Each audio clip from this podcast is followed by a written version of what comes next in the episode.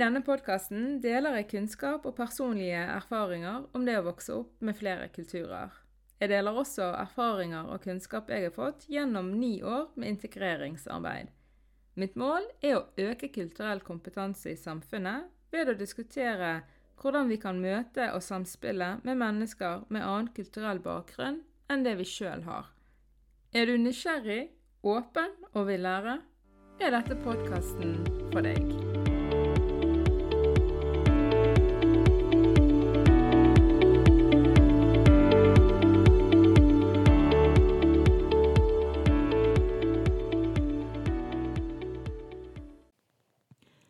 Alle, og hjertelig velkommen til en ny episode av Hvor er du egentlig fra? Podkasten begynner å gå inn for landing. Det vil si at neste uke så blir det sesongavslutning, og jeg tar en liten pause for å planlegge og spille inn sesong to. Så hvis du har en idé eller ønske om noe du vil at jeg skal ta opp på min podkast, så kan du sende meg en e-post på podkast alfakrøll navarsayad.no. Og jeg skriver jo da podkast på den norske måten, så det er podkast med en K og ikke med en C. Ok, folkens. Jeg vil at dere skal se for dere følgende scenario. Det er en deilig sommerdag i Bergen. Jeg og to venninner var hjemme hos moren til hun ene. Vi var i seniorboligen. Denne sommerdagen så var det reker, krabbeklør og loff på menyen. Vi satt ute på terrassen og koste oss med maten. Bonusmammaen, som vi kaller henne for i vennegjengen, hun satt med oss. Vi begynte å snakke om mattradisjoner og mat som lukter og ikke lukter. Plutselig så kremter bonusmammaen. Hun vil spørre om noe, men hun finner ikke de rette ordene. Og det er litt sånn når eh, bonusmammaen vil spørre oss om noe som hun tenker kanskje dette er litt vanskelig, eller det her er litt sensitivt, eller det er ikke sikkert de har lyst til å snakke om det, så har hun en egen måte å signalisere det på. Da begynner hun å liksom puffe opp det der håret sitt, sant, jo mer nervøs hun er for å stille spørsmålet, jo mer volum får hun.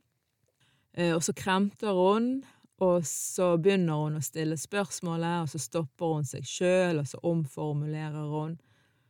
Og det var det her som skjedde, da. Hun begynner å puffe opp det håret sitt, og så begynner hun å, å si sånn her «Eh, Du, Navar, jeg bare tenkte på en ting. Og så puffer hun litt til, og så kremter hun. Og så prøver hun å stille spørsmålet, men hun avbryter seg sjøl flere ganger. Og til slutt så kommer det rett ut. Navar, syns du at vi nordmenn lukter melk? Tårene rant, og vi bare brøt ut i latter. Det er noe av det morsomste som jeg hadde ledd av på veldig lenge. Datteren, altså venninnen min, hun blir jo superflau, og det skal så mye til for å sette hun ut, men den dagen, det spørsmålet, det fikk hun målløs. Og så prøver bonusmammaen å forklare spørsmålet, da. Og hun hadde hørt flere utenlandske si dette, og så lurte hun på om jeg, som hadde vokst opp blant norske, også syntes det samme. Jeg hadde jo sjøl hørt det samme, det har vært særlig japanere som har eh, spurt om det og sagt det. Og spørsmålet ledet oss til en god diskusjon om det å vokse opp blant norske kontra det å komme til Norge som voksen. Og enden på den visen jeg syns ikke nordmenn lukter som melk. Men har du noen gang lurt på hvordan du skal forholde deg til mennesker med annen kulturell bakgrunn, og særlig det her med hva som er sensitivt å si eller eh, spørre om, og så til slutt så spør du bare rett ut, sånn som bonusmammaen gjorde. Du er i godt selskap, for å si det sånn. Jeg sjøl kan noen ganger synes at det er vanskelig å spørre andre om deres kulturelle identitet. Min fordel, det er at jeg kan dra det der jeg er utlending-kortet. og da går det meste greit. Og kanskje noe av det mest absurde jeg har spurt om, det var om min venninne hadde fått puttet en chili inn i vaginaen hennes som barn, som en straff for noe som hun hadde gjort. Og her brøt jo jeg alle slags mulige tabuer, sant. Jeg spurte om vold, jeg spurte om underliv, jeg spurte om overfladisk kulturell kunnskap. Jeg hadde nemlig lært av noen andre at dette var en vanlig straffemetode i enkelte afrikanske samfunn, og jeg var nysgjerrig på dette, og om venninnen min kjente dette igjen. For dere skjønner det at eh, vedkommende, hun kommer fra et av disse plassene der dette skulle være vanlig. Men så er jo det òg eh, noe med den sosiale kompetansen som jeg har snakket om tidligere. Jeg har en relasjon til den jeg snakker med, og jeg valgte tid og sted for spørsmålet. Så for ordens skyld, da, hun hadde ikke blitt straffet på denne måten, men det var vanlig at hennes kusiner eh, ble det. Men så kunne hun òg legge til at denne metoden ikke var så veldig vanlig lenger, og så gikk jo diskusjonen over på ulike måter å oppdra barn på. Så tilbake igjen til poenget, da. Det er noen ganger vanskelig å spørre andre om deres kulturelle identitet, så enten så kan vi bare spørre rett ut, og så kan det gå bra, eller det ikke går bra, eller så lar vi være å spørre om ting, og da samtidig lar vi være å skape forståelse for hverandre. Jeg mener at det går an å være sensitiv for hverandre, det går an å lære seg å forstå og leve med ulike kulturelle bakgrunner og tiden vi lever i, krever jo sånne ferdigheter. Norge er jo nemlig ikke et samfunn som består av mennesker med helt lik bakgrunn, og heldigvis for det. I tillegg så øker jo det kulturelle mangfoldet, for å ikke snakke om at Norges urbefolkning og nasjonale minoriteter setter jo òg sitt preg på landet. Og folkens, vi har alle sammen et ansvar for å skape forståelse og toleranse for hverandre. Og jo bedre og mer komfortabel vi blir rundt det kulturelle mangfoldet, jo mer reduserer vi forskjellsbehandling og dårlig behandling basert på, i mangel av et bedre ord, da, etnisitet, religion og kultur. For dere skjønner det at når vi klarer å samspille med andre mennesker, og vi forstår de bedre, så skapes respekt og toleranse for annerledeshet, likeverdighet skapes, og vennskap kan etableres. Sagt litt enklere, å være sensitiv for det kulturelle mangfoldet, det bidrar til en bedre verden. Jeg snakker jo mye om kultur, men hva er egentlig kultur? Kultur kan sies å være bestemte tradisjoner, uttrykksformer, levesett, tenke- og væremåter som er delt av mennesker i et samfunn. Thomas Hylland Eriksen han sier det enda enklere, nemlig at kultur er det en lærer som medlem av et samfunn. Det er rett og slett folks levemåte, og kultur kan bestå av både synlige og usynlige ting som mat og drikke, bekledning, musikk, humor, språk, tro, livssyn og spiritualitet, normer og skikker. Og hvis vi tenker at kultur er en slags lærdom eller en kunnskap som vi tilegner oss, så kan vi òg tenke at vi har mange ulike former for kultur. Vi kan ha ungdomskultur, vi kan ha sportskultur, bygdekultur, bykultur, vi har familiekultur.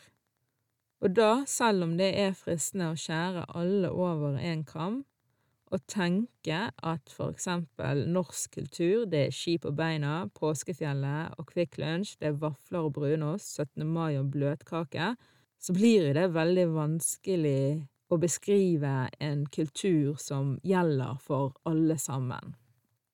Og det er òg da viktig å punktere at det vil jo alltid være variasjoner i den enkelte kulturen. Det kan eksistere flere forskjellige kulturer innad samme land, og mennesker, vi er individuelle, og vi vil være forskjellige fra hverandre, selv om vi hva skal jeg si, tilhører samme kulturelle miljø.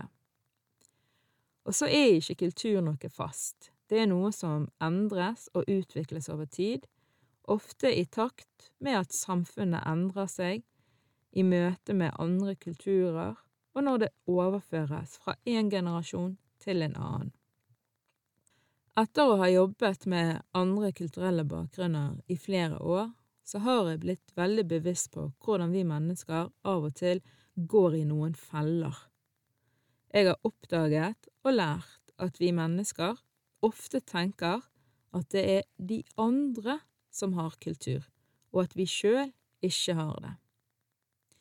Vi forstår nemlig ikke alltid at også vi har en kultur, før vi møter mennesker som gjør ting annerledes enn det vi sjøl gjør. Men selv da så liker vi å tenke at vi oppfører oss normalt, mens de andre har en kultur, og de oppfører seg spesielt. Vi vurderer veldig ofte oss som mennesker ut ifra hva vi mener er normalt, og ut ifra hva vi tror vi vet om andre kulturer. Og når den andre oppfører seg annerledes, så tenker vi at det er rart eller galt.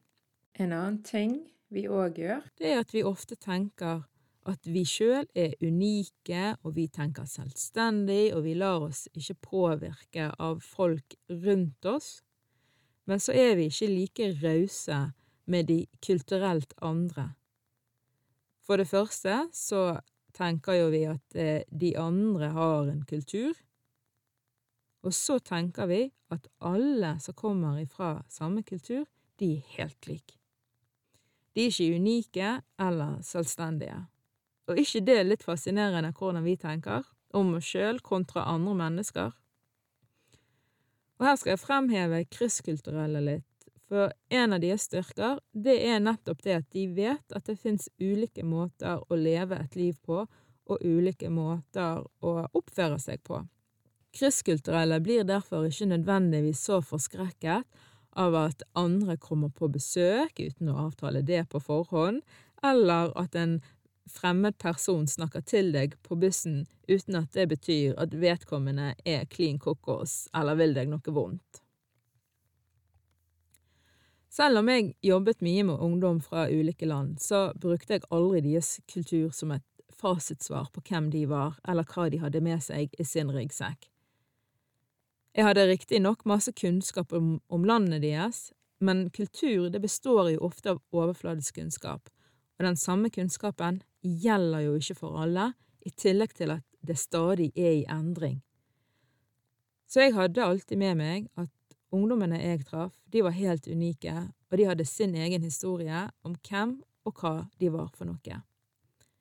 Jeg kunne gjerne ha en hypotese om hva den afghanske, somaliske, syriske, sudanske eller russiske ungdommen hadde med seg i sin kulturelle sekk, men jeg visste ikke hva innholdet var. Og det er ikke sikkert at akkurat du som lytter til denne podden, jobber med mennesker med annen kulturell bakgrunn enn din egen, men du treffer garantert på oss i butikken, på jobb eller skole, på puber og på kinoer. Vi er overalt. Så poenget å ta med seg det er å være bevisst på at du vet ikke hvem den andre er, før du faktisk tar deg tid til å snakke med vedkommende. Vår egen levemåte kan sies å utgjøre vår egen kulturelle identitet.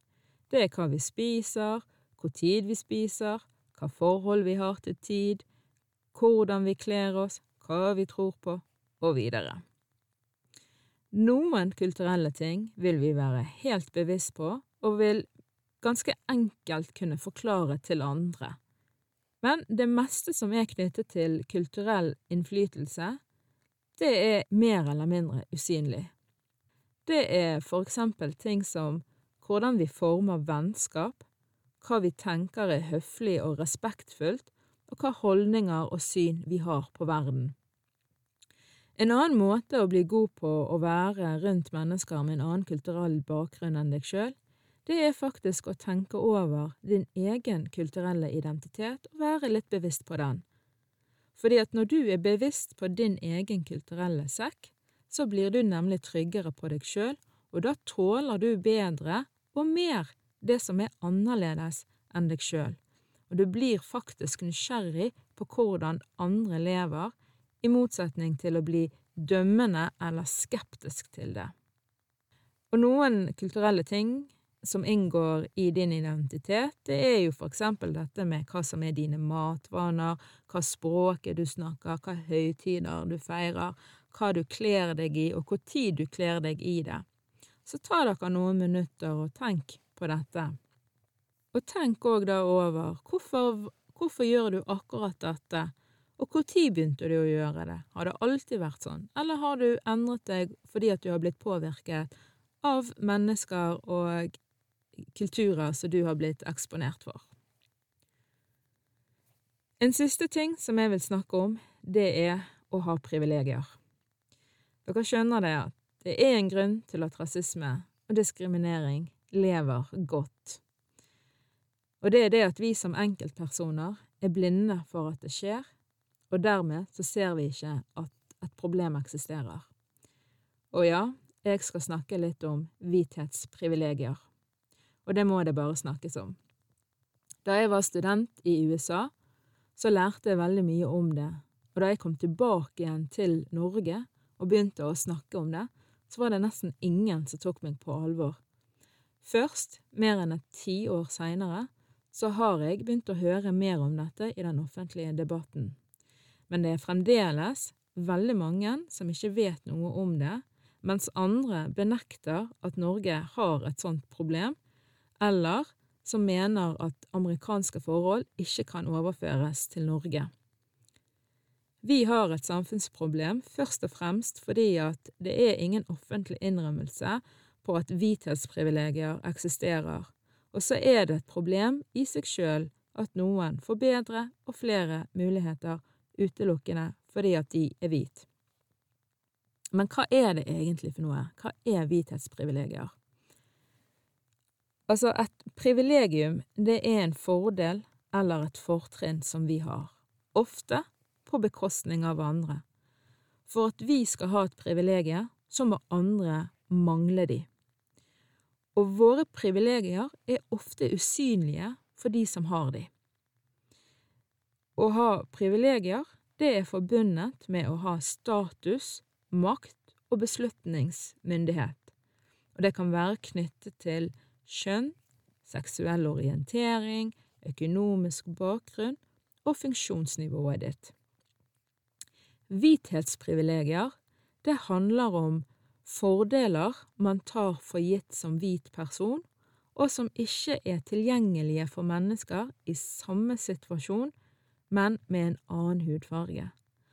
Altså at du som hvit person har noen fordeler som andre med en annen hudfarge ikke har, men som du ikke er bevisst på.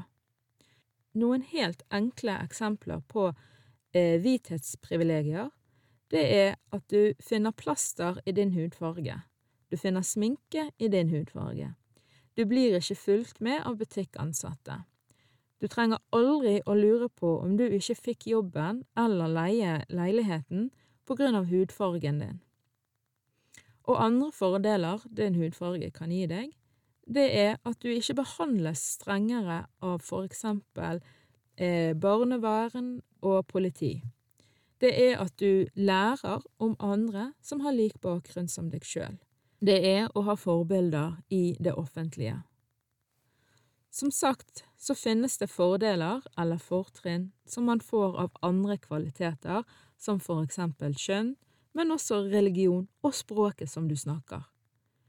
Det er et privilegium å ikke bli bedt om å ta avstand fra andre sine voldelige handlinger, slik muslimer ofte blir bedt om av det norske samfunnet, for eksempel i kjølvannet av skytingen på London pub i Oslo i fjor sommer. Men akkurat for denne episoden så forholder jeg meg til hudfarge som et privilegium. Hvithetsprivilegier det betyr ikke at hvite mennesker ikke opplever diskriminering, motgang eller hindringer i livet. Det betyr heller ikke at man ikke har jobbet hardt for den suksessen som man opplever, eller at eh, man som en hvit person har et verdisett som er diskriminerende eller rasistisk. Hvithetsprivilegier handler om å ha fordeler i kraft av sin hudfarge som man ikke har bedt om, eller som man ofte ikke er bevisst på. Å ikke se farge, som mange sier at de ikke gjør, det er også et hvithetsprivilegium. Hvis ikke vi ser farge, hvordan skal vi da se at rasisme eksisterer, når vi ikke innrømmer at dette ikke er noe som bare gjelder i USA eller England, for eksempel, så opprettholder vi statusen sånn som den er, og det går ikke. Det gjør at vi, uten å ville det, er med på å opprettholde diskriminering av andre, fordi at vi ser ikke at andre ikke behandles på samme rettferdige måte på grunn av hudfargen deres.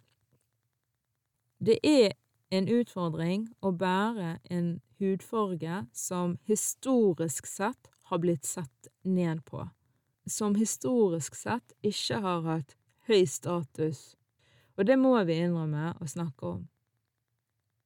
Ta deg noen minutter nå og tenk igjennom hvilke muligheter eller hindringer og status din hudfarge har gitt deg, både her i Norge, men også når du har reist til utlandet. Jeg er sikker på at du vil få deg noen aha-opplevelser. Ved at du blir bevisst på at også vi i Norge har et problem med hvithetsprivilegier, så vil du først og fremst kunne se det, og dermed også reagere på det, og på den måten òg stå opp mot urettferdig behandling av andre på grunn av hudfargen deres. Og det kan være noe så enkelt som at du sier neste gang du er på apoteket at jeg savner å se plaster som er litt mørkere enn disse her.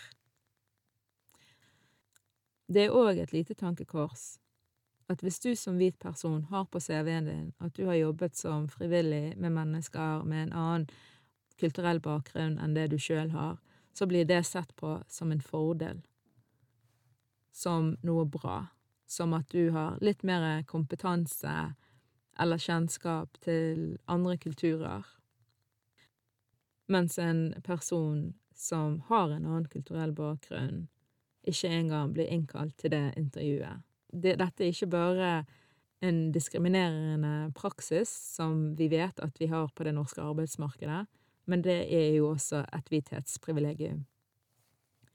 Så la oss ta en rask oppsummering.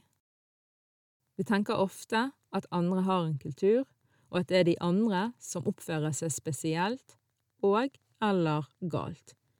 Vi sjøl har ikke en kultur. Vår oppførsel og levemåte, den er normal. Vi er også unike, men det er ikke de kulturelt andre. Vi har ofte overfladisk kunnskap om andre kulturer, men vi tror likevel at vi forstår og kjenner de kulturelt andre. Ved å være bevisst på dette og på våre fordommer knyttet til andre, så kan vi unngå sånne kulturelle fallgruver, som jeg kaller det for. Og da kan jo jeg minne om bonusepisoden min hvor jeg snakker om det å ha fordommer, og der jeg gir helt konkrete tips på hva du kan gjøre med de. Og du kan òg laste ned en gratis PDF som jeg har laget om akkurat dette her.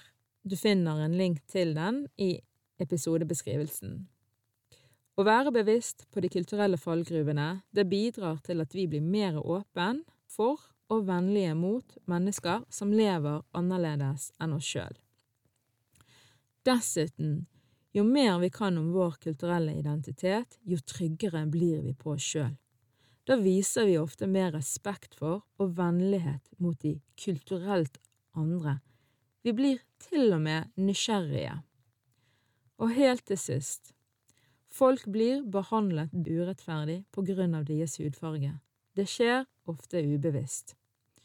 Ved å tenke over ens kulturelle identitet, inkludert ens egen hudfarge og hvilke muligheter hudfargen har gitt, ved å erkjenne, altså innrømme, at det å ha en annen farge enn hvit, det er nok til å bli urettferdig behandlet, da kan vi også reagere og gjøre noe med det. Og da begynner det å ligne et samfunn hvor folk klarer å leve med hverandre, selv om de er kulturelt annerledes. Takk for at du har lyttet til denne ukens episode av Hvor er du egentlig fra? Håper du likte den, og hvis du gjorde det, setter jeg stor pris på at du liker, deler og følger podkasten. Takk for meg!